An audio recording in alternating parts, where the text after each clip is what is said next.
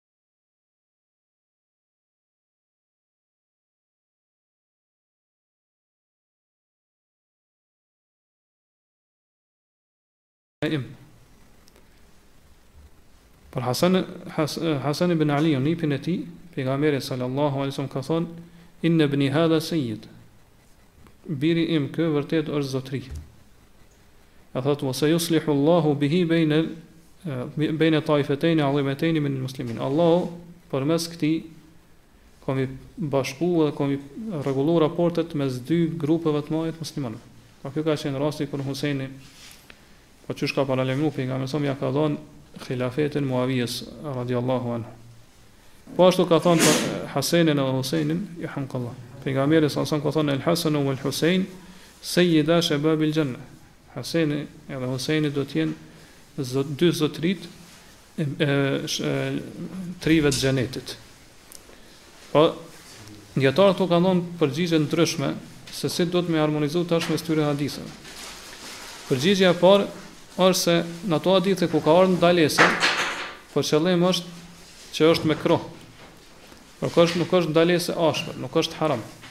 Mirpo, pra nuk e arrin shkallën dhe gradën e haramit, po mbetet në shkallën e mekruhit. Pra që vetëm është e papëlqyer, mi thon tjetrit Sejid, zotri. Pra nuk është haram, po është e, e papëlqyer. Po nuk është pi sjelljes që muslimani do të me pas. Kurse ato hadithe të cilat kanë ardhur, edhe të cilat do thotë pi kuptimit e tyre Të jashtëm, pra arrihet në përfundim që është e lejuar me thonë tjetrit do thotë zotri, thonë kjo vetëm tregon që ajo është mubah. Po mubah në terminologjinë islame është as nuk ki shpërblim, as nuk ki dënim nëse e praktikon një gjë. Ky është mendimi i parë. Mendimi i dytë i dietarëve është se është haram e ndaluar rreptësisht me thon tjetrit zotri. Po krijesës. Pra, zotëria duhet t'i thuhet vetëm Allahut subhanahu wa taala. Edhe kanë argumentu, do thotë me këtë hadith që e kemi shpjegu në dersin e kaluam edhe hadithin që do ta shpjegojmë inshallah sonte. Edhe kjo transmetohet prej Imam Malikut Allahu e mëshiroftë. Atëherë si ju kanë çfarë përgjigje u kanë dhënë këtyre haditheve ku pejgamberi sallallahu alaihi wasallam i ka thënë tjerëve zotëri, thonë që këto hadithe janë përmend ose i ka thënë pejgamberi sa më herët. Pra në kohët e hershme, në fillim të Islamit. Kurse hadithi zotëria është Allahu subhanahu teala ky ka ardhur më vonë.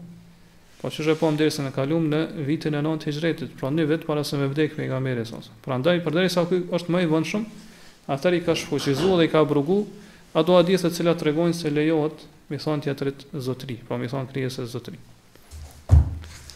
Mendimi i tretë i dietarëve është se Ndalesa është pra ato hadithe që e ndalojnë vetëm atëherë kur frikësohet ose ekziston frika që me me përfundu në një të keqe më të madhe. Për shembull, që tu i thon tjetrit zotri gradualisht me shku deri aty sa që do thot me me i tejkalu kufit, me shkel kufit, edhe me, me do thot me pas një lloj besimi për personin të cilit i drejtohesh me zotri.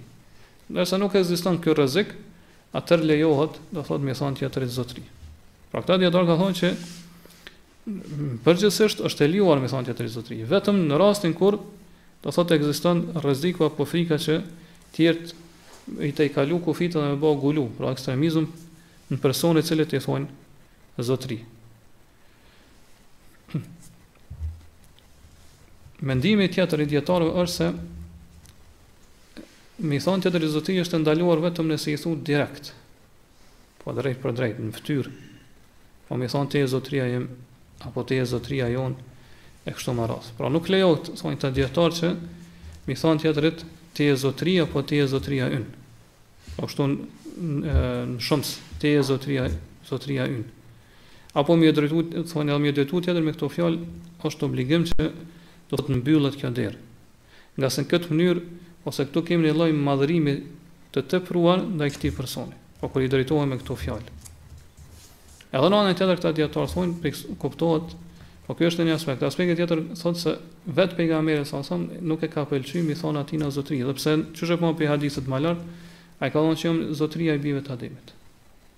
Bijve të Ademit, po pe njerëzve. Mirëpo, do thotë për shkak se Gjithmonë ekziston rreziku që kur i thu tjetrit zotri kështu direkt në fytyrë, ti je zotria ime ose zotria jonë e kështu me radhë, domethënë që me i tejkalu kufijtë edhe me madhëru atë më tepër se sa që duhet, atëherë do thotë është e ndaluar një gjë e këtillë.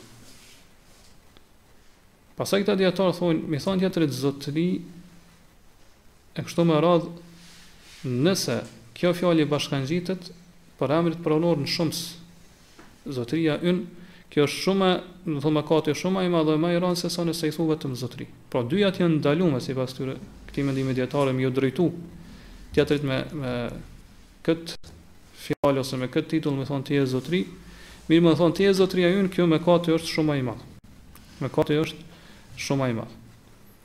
Këta thonë për dallim kur fjalën zotëri e përdor në vetën e tretë.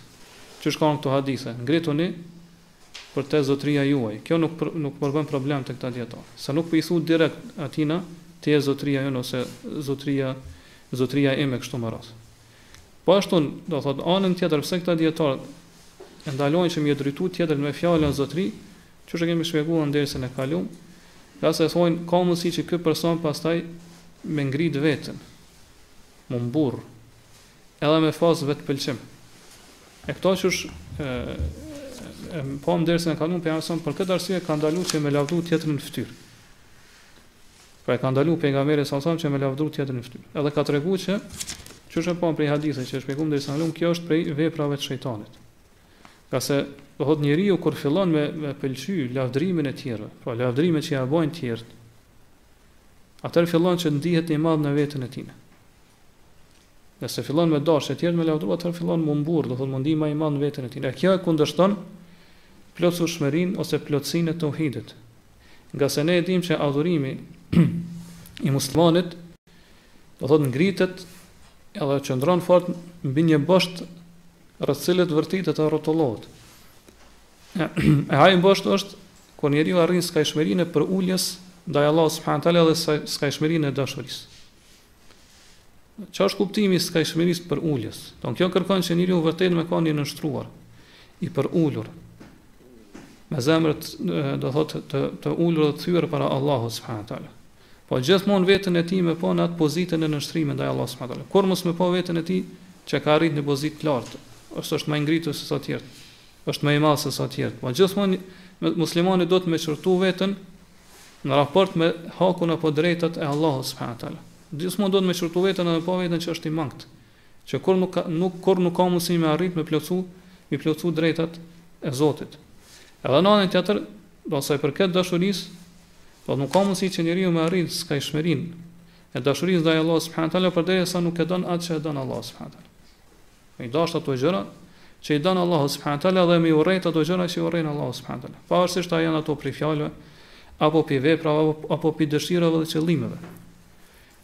E kur njeriu e don që të tjerët me lavdru, atër kjo e kundërshton atë që e don Allahu subhanahu taala.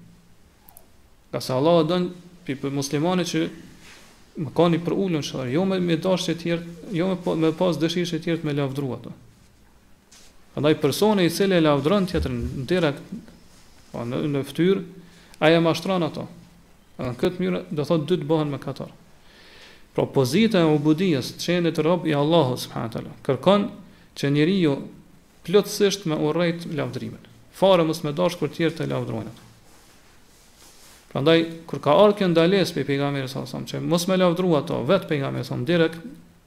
Domthon drejtpërdrejt, kjo është pejgamberi sa ka bërë për arsye që me mbrojt qet pozitë të ubudijës, që jemi rob adhurues i Allahu subhanahu wa taala.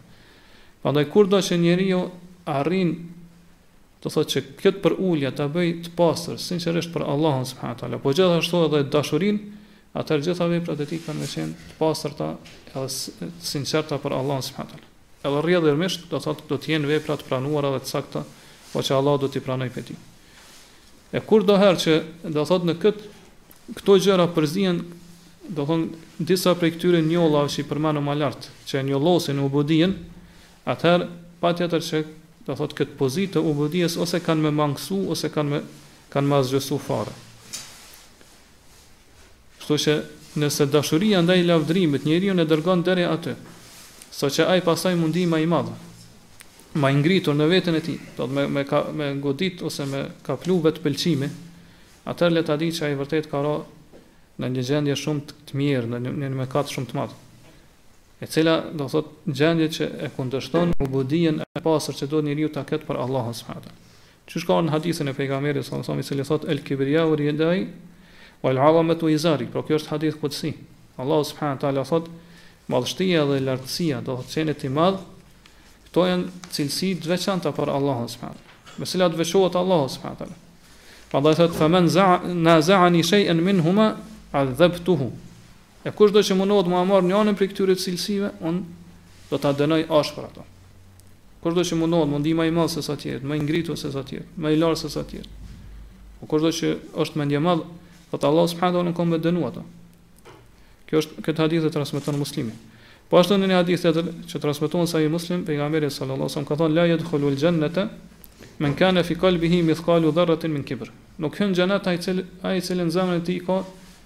Vetëm një grimcë mendjemadhësi. Ky person nuk hyn n'xhenet. Prandaj që që kjo smundje e mendjemadhësisë apo ë do thotë që njeriu me mbajt veten për të madh zakonisht si shkak e ka kur njeriu e don lavdrimin. Don don që të tjerët me thur lavdata për to, me livdu atë. Don kjo është bëhet si shkak ose shkallë përmes cilës njeriu arrin deri te ajo që do thot mundi më i madh ose mundi më më i ngritur se sa tjetër. Prandaj qysh thon dijetarët vetëpëlqimi, kur njeriu i, i pëlqen vetja e tij, ja, ja shkatrron veprat e tij ashtu qysh do thot zjarri i djeg drut e thot. Për këtë arsye kur pejgamberi sallallahu alajhi wasallam, pra Allahu ja ka mundsu pejgamberit sallallahu alajhi wasallam që me plotsu Me arrit me përkry qëtë pozitën e ubudijës, pra të qenurit rob edhe adhurus i Allahut subhanahu wa taala, e ka urrejt që tjert me e lavdru në këtë mënyrë në prezencën e tij. Pra që me rujt qëtë pozitën e ubudijës. Edhe i ka udhëzu umetin e tij që do thot me braktis këtë gjë. Pra i ka këshillu sinqerisht që mos me lavdru njani tjetrin në prezencë. Pra këtë tabe janë sa e ka bë, qysh e kemi thënë edhe në dersin e kaluar për me rujt pozitën edhe kufijtë e Tauhidit, pra që mos me hy diçka në në në Tauhidin e personit edhe me e shkatrru ato apo me dobësu, pra pi shirkut apo rrugëve që çojnë në shirk. Po kështu këto dy janë dy arsye që dijetarët thonë nuk lejohet që tjetrit, ky mendim i dijetarëve që thonë nuk lejohet që tjetrit me ju drejtu me fjalën ti je zotri ose ti je zotria ynë ose zotria ime kështu me radhë. Gjithashtu ata e shtojnë edhe një gjë tjetër thojnë se kur pse është e ka ndalu këtë pejgamberi sallallahu alajhi wasallam që me ju drejtu n'fytyrën ngase kur i thu ti atë ti në farë mënyre nënçmon veten tonde para tij pra e ul veten tonde para tij e kjo nuk më thon për dallim kur do thotë ti thu që filani është zotëria e tjerëve atëherë thonë kjo është e lejuar qysh e pam hadithin e Sad bin Muadhit ku pejgamberi ka thonë ngrituni për te zotëria juaj Po kur përdoret ose kur përdoret do thotë në veten e tretë. Do thotë që ai zotëria e atyre kështu me radh. Edhe pse do thotë ky mendim, sa i përket kësaj që me mos me thon zotëria ime kështu me radh direkt, mundet do thotë me u kundërshtu përmes hadithit e asom që kemi marrë më herët, që ja ka leju sklavit edhe sa e përmendëm, me i thonë atij pronarit tina ti je zotëria ime.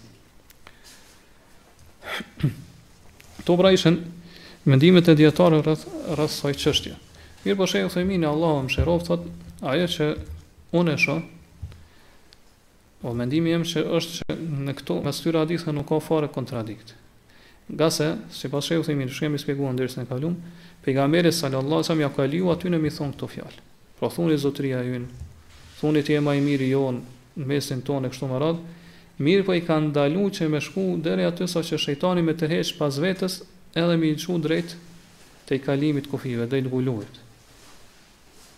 Pra me than, pastaj me menu që kur i drejtohen pejgamberit sa edhe i thoin Sejjid, me menu qatë zotrimin e e pakufizuar që i takon vetëm Allahut subhanahu teala. Pra vetëm Allahu në mënyrë absolute është Sejjid, askush tjetër përveç Allahut subhanahu teala. Prandaj thotë Shejh Uthejmini sipas kësaj lejohet me than tjetrit ti je zotria ynë apo ti je zotria e zotrin kështu në mënyrë të përgjithshme, apo ai është zotria i filan popullit e kështu me radhë. Mirëpo thot, me kusht që ai cilit i drejton këto fjalë e meriton që të jetë zotri.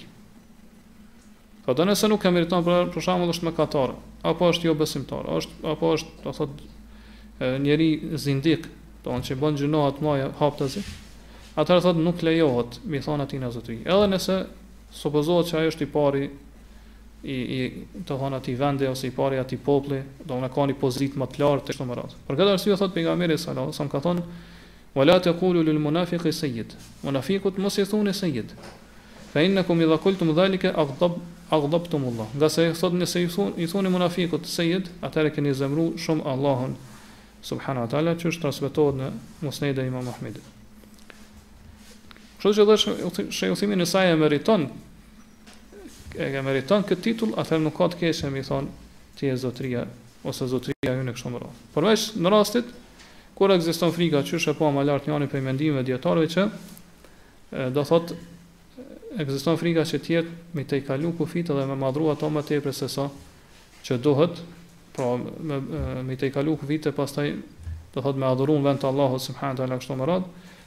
Apo thotë kur nuk e meriton ai, pra nuk është ehel, nuk e meriton që t'i thuhet zotri. Këtu e kemi edhe një qështje që do të ta sqarojmë ajo është se tash ky titulli sejid shumë përdoret prej atyre cilët besojnë edhe pretendojnë se dikush tjetër përveç Allahut subhanahu wa taala ka dobinë edhe damin.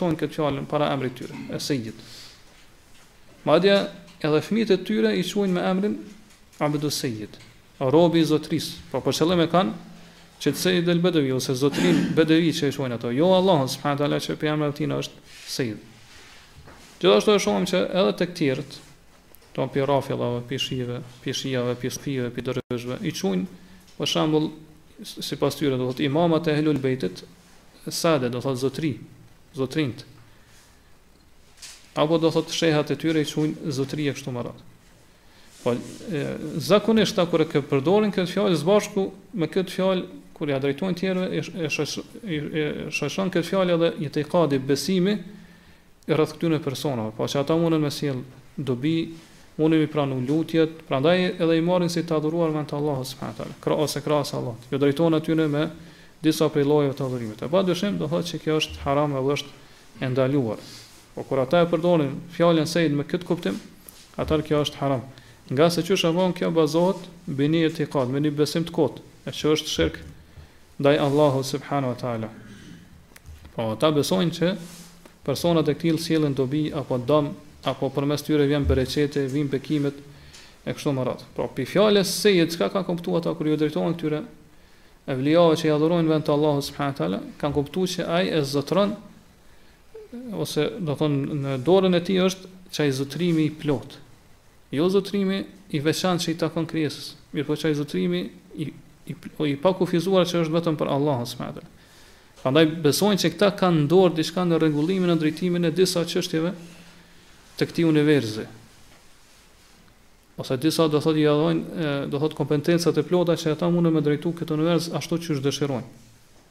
Po këto janë disa gjëra që ata i besojnë për këtë Sejid el Bedevi dhe edhe tjerë që e adhurojnë veç Allahut subhanahu wa taala. Pra që ata munden me me vepru në tokë, mi mi përgjigj lutjeve, mi pranu kërkesat, mi ua plotësu njerëzve dëshirat e nevojat e kështu me radhë.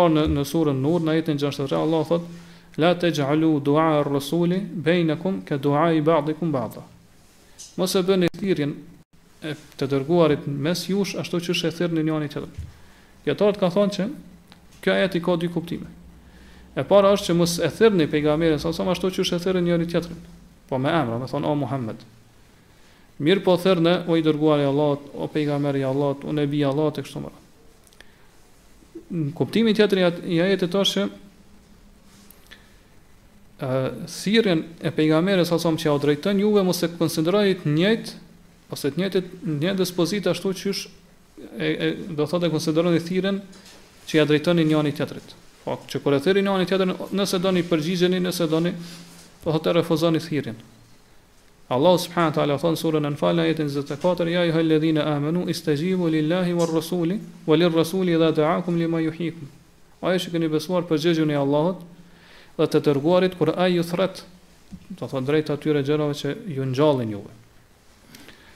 Pastaj këta kanë vazhdu kanë thonë ja khairana wa ibna khairina. O më i miri mesin ton dhe i biri më të mirit prej nesh. Sipas mendimit të Shejh Uthejminit, kjo është e saktë dhe është e lejuar. Do thotë vërtet mendim, kuptimi i kësaj është i saktë. Mirëpo edhe pejgamberi sa nuk i ka kundërshtuar këto. Po pejgamberi sa është më i miri në mesin e tyre sa i përket prejardhjes. Po askush nuk ka prejardhje më të mirë se sa pejgamberi sa. Po gjithashtu sa i përket pozitës, po është i dërguar i Allahut, edhe sa i përket gjendjes. Mirëpo kanë thonë biri më të mirit ton, Atëherë, kjo është vetëm sa i përket prejardhjes. Baba i pejgamberit sallallahu alajhi wasallam ka qenë gjithashtu më i miri prej tyne sa i përket prejardhjes. Mirëpo jo sa i përket pozitës, ngase ai ka vdekë si jobesimtar dhe gjithashtu gjendjes. Ngjashëm thuhet edhe kur ka thonë sayyiduna, sayyidana wa ibn sayyidina, zotria jonë edhe i biri zotrisë tonë. Pejgamberi sallallahu alajhi wasallam i ka qortu, ka thonë ju njerëz thuani fjalët e juaja, do thotë të rëndomta që i që i thoni gjatë jetës së përditshme. Po sipas Shejh Uthejminit pejgamberi sa këto ja ka pranu këto fjalë, mirëpo qëllimi është që mos e tejkaloni kufit. Wa la yastahwiyannakum shaytan. Mirëpo mos e lejoni shejtanin që t'ju devijojë juve. Po që kur i thuni këto fjalë me shku drejt tejkalimit të kufinit, kufive dhe me madhru pejgamberin sa më shumë se sa që duhet. Kurse dietar të tjerë thonë, sikurse në hadithin e parë, edhe këtu pejgamberi sa sa më i ka ndaluar që mi përdor këto fjalë në prezencë, do thotë me ia drejtu direkt atij. Pra me lavdru pejgamberin sa në, në prezencën e tij. Apo mi thon zotri. Po këto e ka urrejt pejgamberi sa me thanë ti je më i miri jonë ose biri i më të mirit tonë ose zotëria jonë ose biri më të mirit zotërisë më biri i zotërisë tonë ngase pejgamberi sa nuk e ka pëlqy dhe nuk e ka dashtë lavdrimin mirëpo ka dëshiru që me thirrë pejgamberin sa sa me dhe me përshkru me ato atribute që ka përshkru Allah subhanahu taala pra me me shpallje që ai është i dërguar i Allahut edhe me që është robi i Allahut subhanahu taala Edhe ka treguar se qysh kena me shpjegu më poshtë, kjo mjafton si nder për pejgamberin sallallahu alaihi wasallam. Pra pejgamberi sa është ashtu siç e kanë përshkruar ata. Është më i miri i tyre, është zotëria i tyre. Mirëpo këtu pejgamberi sa sipas mendimit të këtyre dietarëve prap ka dëshiruar me mbrojt kufit, me mbrojt kufit e tauhidit. Pra që mos mos me mendu dikush tjetër Pas pejgamberit sallallahu alajhi wasallam që kur të vjen edhe ja drejton dikush këto fjalë, atëherë ose ja drejton dikujt këto fjalë që e meriton në zotri, lejohet mi thon këto fjalë për për një krijesë edhe pastaj mi tejkalu kufit. Po me marr si si bazë veprën e pejgamberit që nuk i ka kundërshtuar. Për këtë arsye pejgamberi i ka kundërshtuar ata dhe jau ka refuzuar mos i thonë këto. Po, edhe pse ai është vërt, vetë është zotëria i bijve të Ademit, vetë është më i miri në mesin e tyre, mirëpo ka dashur me mbyll këtë derë. Ka dashur me mbyll këtë derë. Do thotë që mos me pas dikush mundsi pas vdekjes së tina me thonë që me hap këtë derë, me thonë pejgamberi sa nuk i ka kundërshtuar ata, i ka ja ka ja ka miratu fjalët e tyre. Edhe kështu me fillu me lavdru njani tjetrin, edhe qysh sa mu dëmtu edhe lavdrusi edhe i lavdruari. Ngase njerëz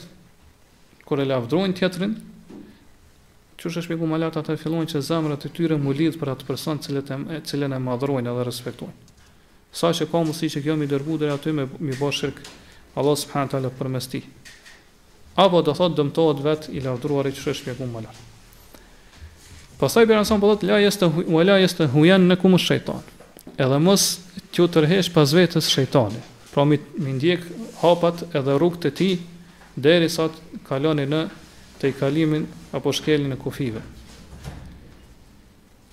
Kjo fjalë La yastahwiyannakum shejtan e ka, ka shumë kuptime. Një prej kuptimeve është kjo që e shpjegum. Kuptimi tjetër është që mos e lejoni mos e lejoni shejtanin me ju dërgu juve drejt ë dëshirave të juaja, do të thotë drejt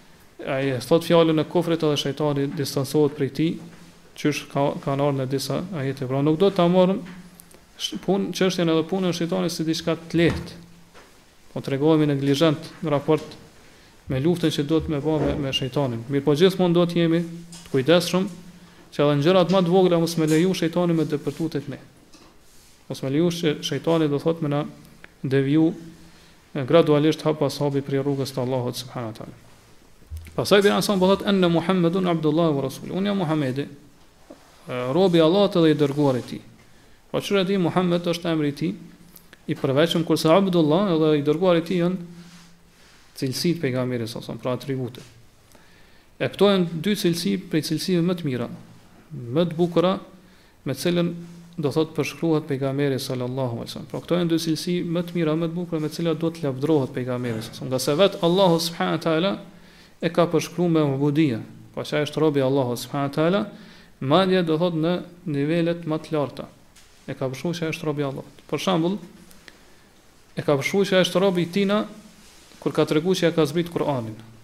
Kjo është një nivel shumë i lartë, domethënë që Allahu e ka zgjedh mesin e gjithë krijesave, mesin e gjithë njerëzve, me zbrit shpalljen e fundit të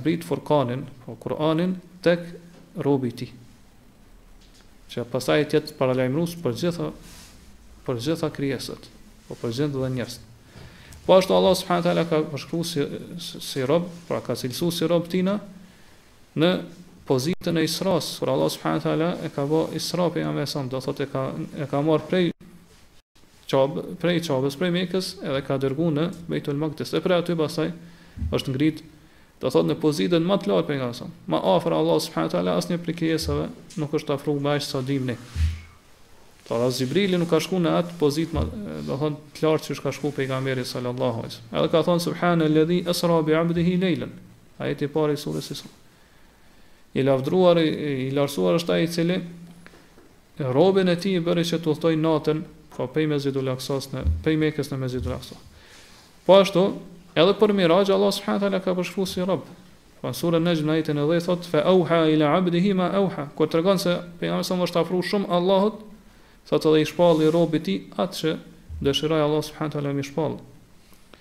Po ashtu kur Allahu subhanahu teala do thotë tregon se se e mbron pejgamberin sa dhe i sfidon të tjerët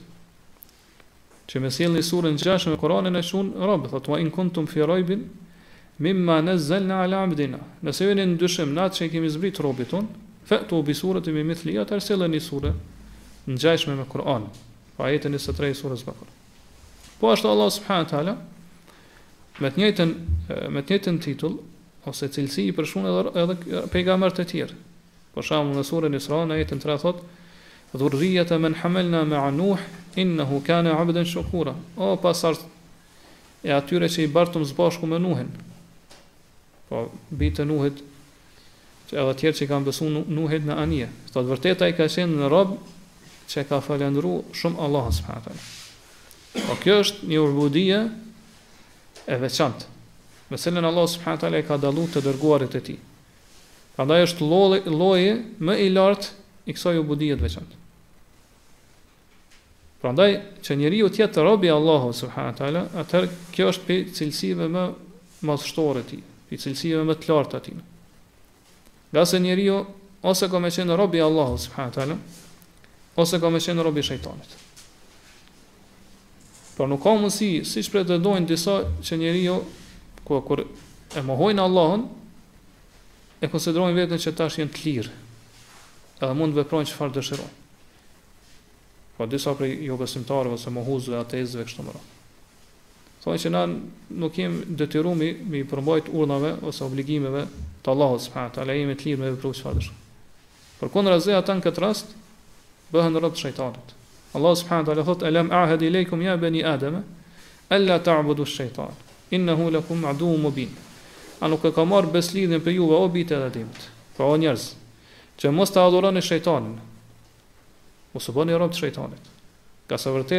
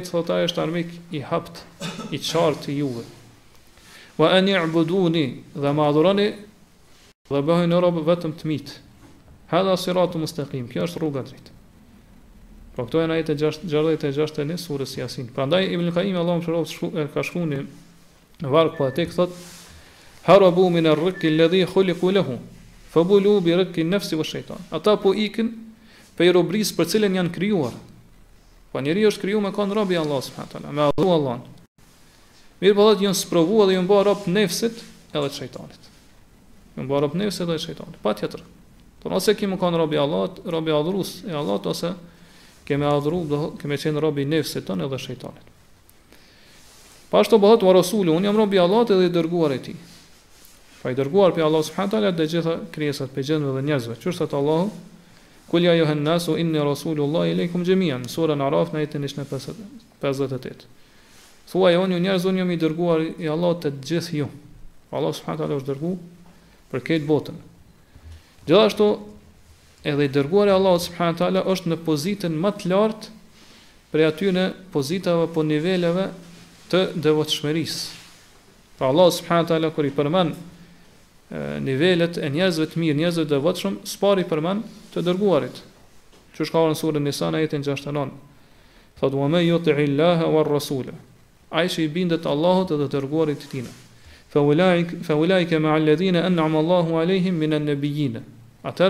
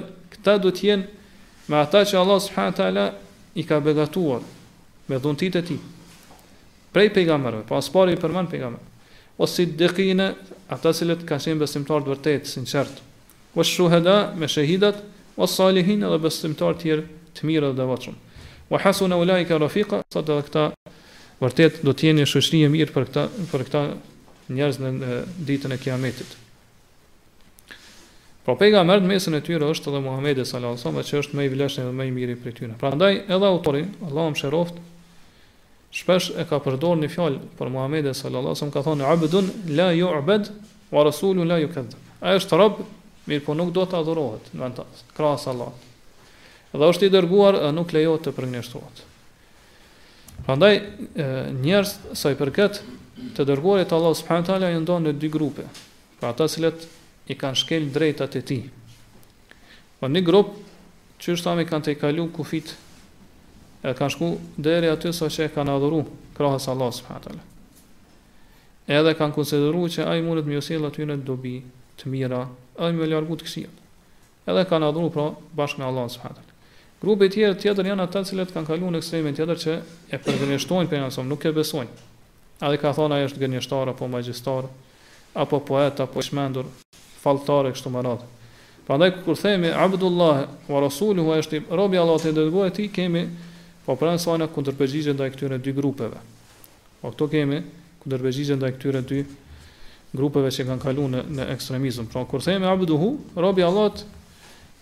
i kundërshton ata të cilët e bojnë gulu, pra adhurojnë krahas Allahut subhanahu wa taala. Wa rasuluhu i dërguar i Allahut kundërpërgjigje ndaj atyre të cilët e nënvlerësojnë hakun, të drejtën e pejgamberit sa.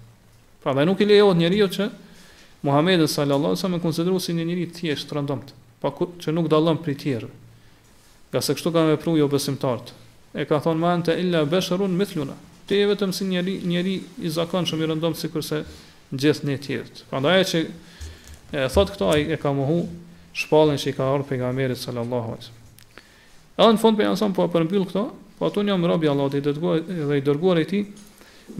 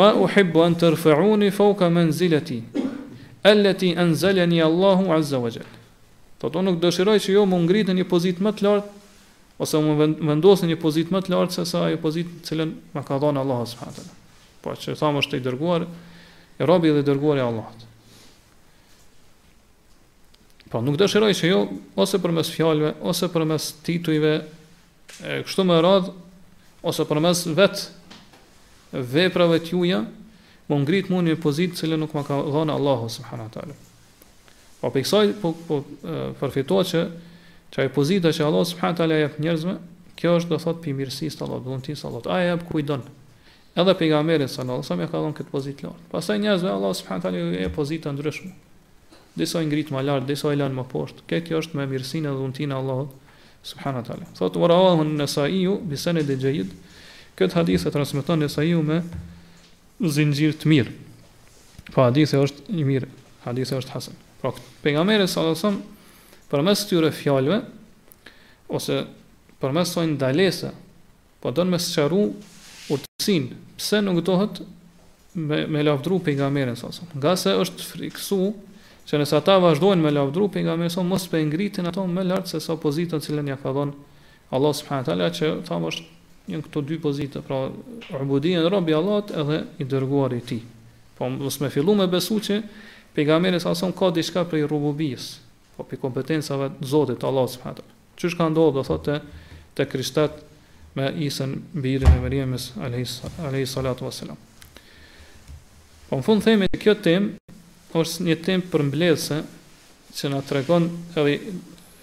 Pra i përmbledh ato gjëra që ne si muslimanë i kemi për obligim, pra ato rrugë, ato shtigje, të cilat e dërgojnë njeriu drejt shirkut. Po, i përmbledh ato dhe na tregon se gjitha ato duhet t'i mbyllim. Gjitha ato do të thotë ato dyer duhet t'i mbyllim, mos t'i lejojmë, të thotë mos t'i lejojmë mos t'i lejojmë që të jenë të hapura, edhe për neve edhe për të tjerët.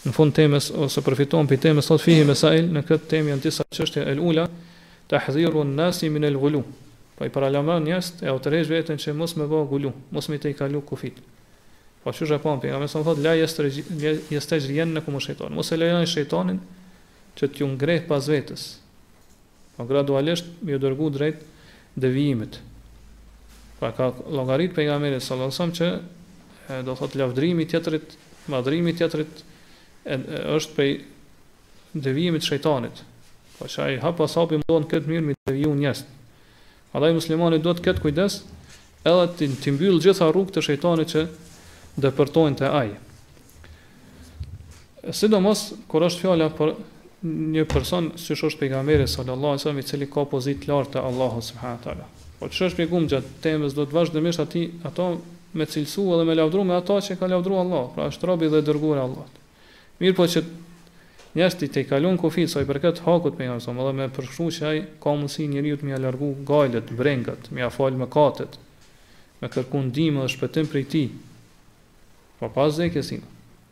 Këtë kjo është prej teprimit, e kjo do thotë njerëzit i dërgon i dërgon drejt shirkut. Ashtu ka ndodhur prej shumë njerëzve që e kanë humbur rrugën e drejtë.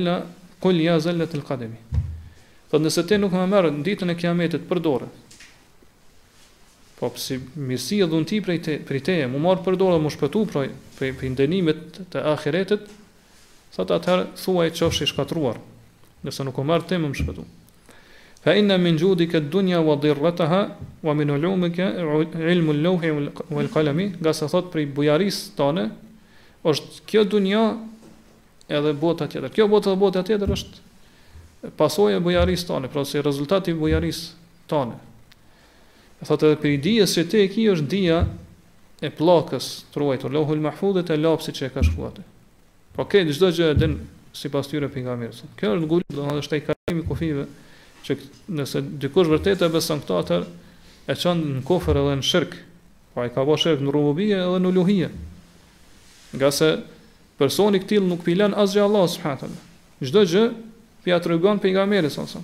Po dunjaja, kjo botë, edhe bota tjetër krejt është në dorën e pejgamberit sa sa. Dija e lapsit edhe pllakës të ruajtur që është aty çdo gjë e shënuar është i takon pejgamberit sa sa.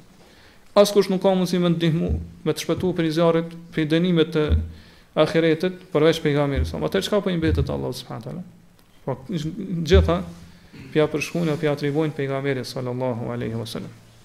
Prandaj kjo është një poezi e ka shumë, do të thotë kemi lexuar më herët rreshta vargje të shumta ka kjo poezi ku vërtet e teprojnë. Kjo ishte vetëm si shembull se si ata bojnë gulu dhe i tejkalojnë kufijtë në lavdërimin ndaj pejgamberit sallallahu alaihi wasallam. Është një poezi që ata vazhdimisht e mësojnë përmendsh e përcjellin te njani tjetri dhe do thotë e recitojnë nëpër mevluda e kështu me radhë. Po ka edhe poezi të tjera, të cilat përbëjnë kufër dhe shirk.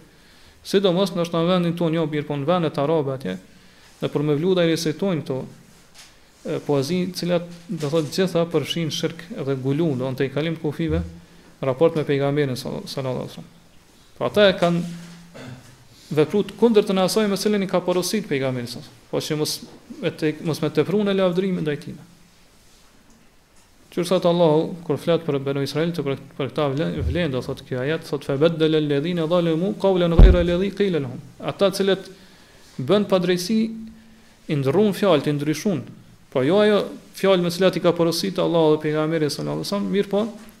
Do thot fjalët i kanë ndryshuar dhe kanë i kanë kanë sjell fjalë prej vetes.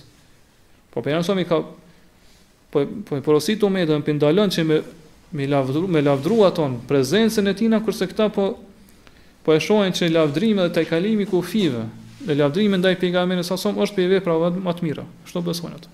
Është prej veprave që më shumë të afrojnë te Allahu subhanahu wa taala. Mirëpo ne themi që lavdërimi ndaj pejgamberit salallahu alejhi ve selem që është e lejuar ose mrena kufijve që ka lejuar Allahu subhanahu taala. Përmes poezive ose përmes shkrimeve kështu me radhë, po qysh thon që është robi i Allahut, i dërguari i Allahut që është krijesa më e mirë, atë në këto nuk ka të keqe. Ngase vetë sahabët në disa prej poezive tyre kanë lavdëruar pejgamberin sa.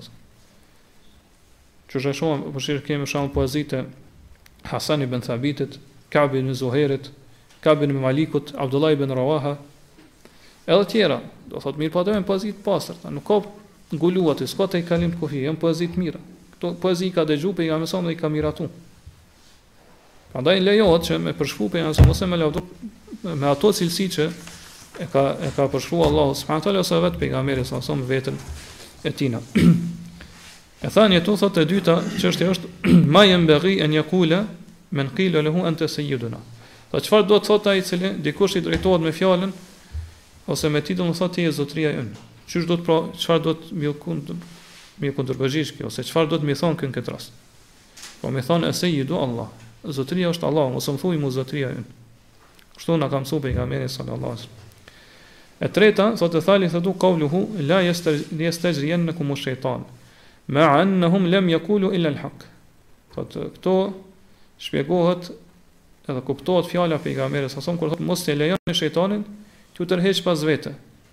Edhe pse thotë ata e kanë thënë të vërtetën.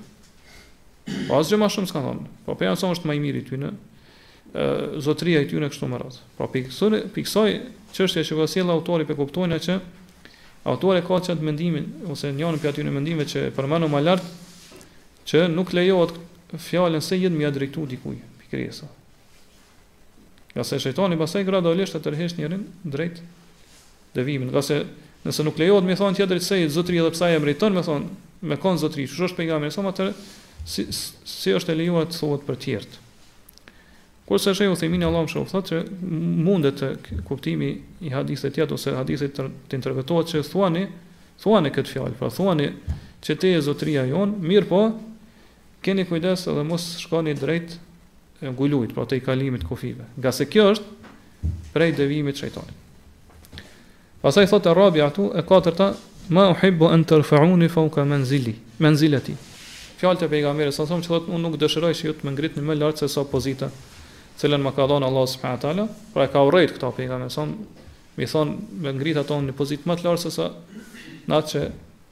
e ka vendosur Allahu subhanahu wa taala që është ubudia pra robi i Allahut edhe i dërguar i Allahut. Pra këtu pe shohim që çfarë modestie dhe thjeshtësie ka pas pejgamberi sallallahu alaihi wasallam. Pra e ka ndaluar që të tjerët me tejkalu kufinin në raport me to.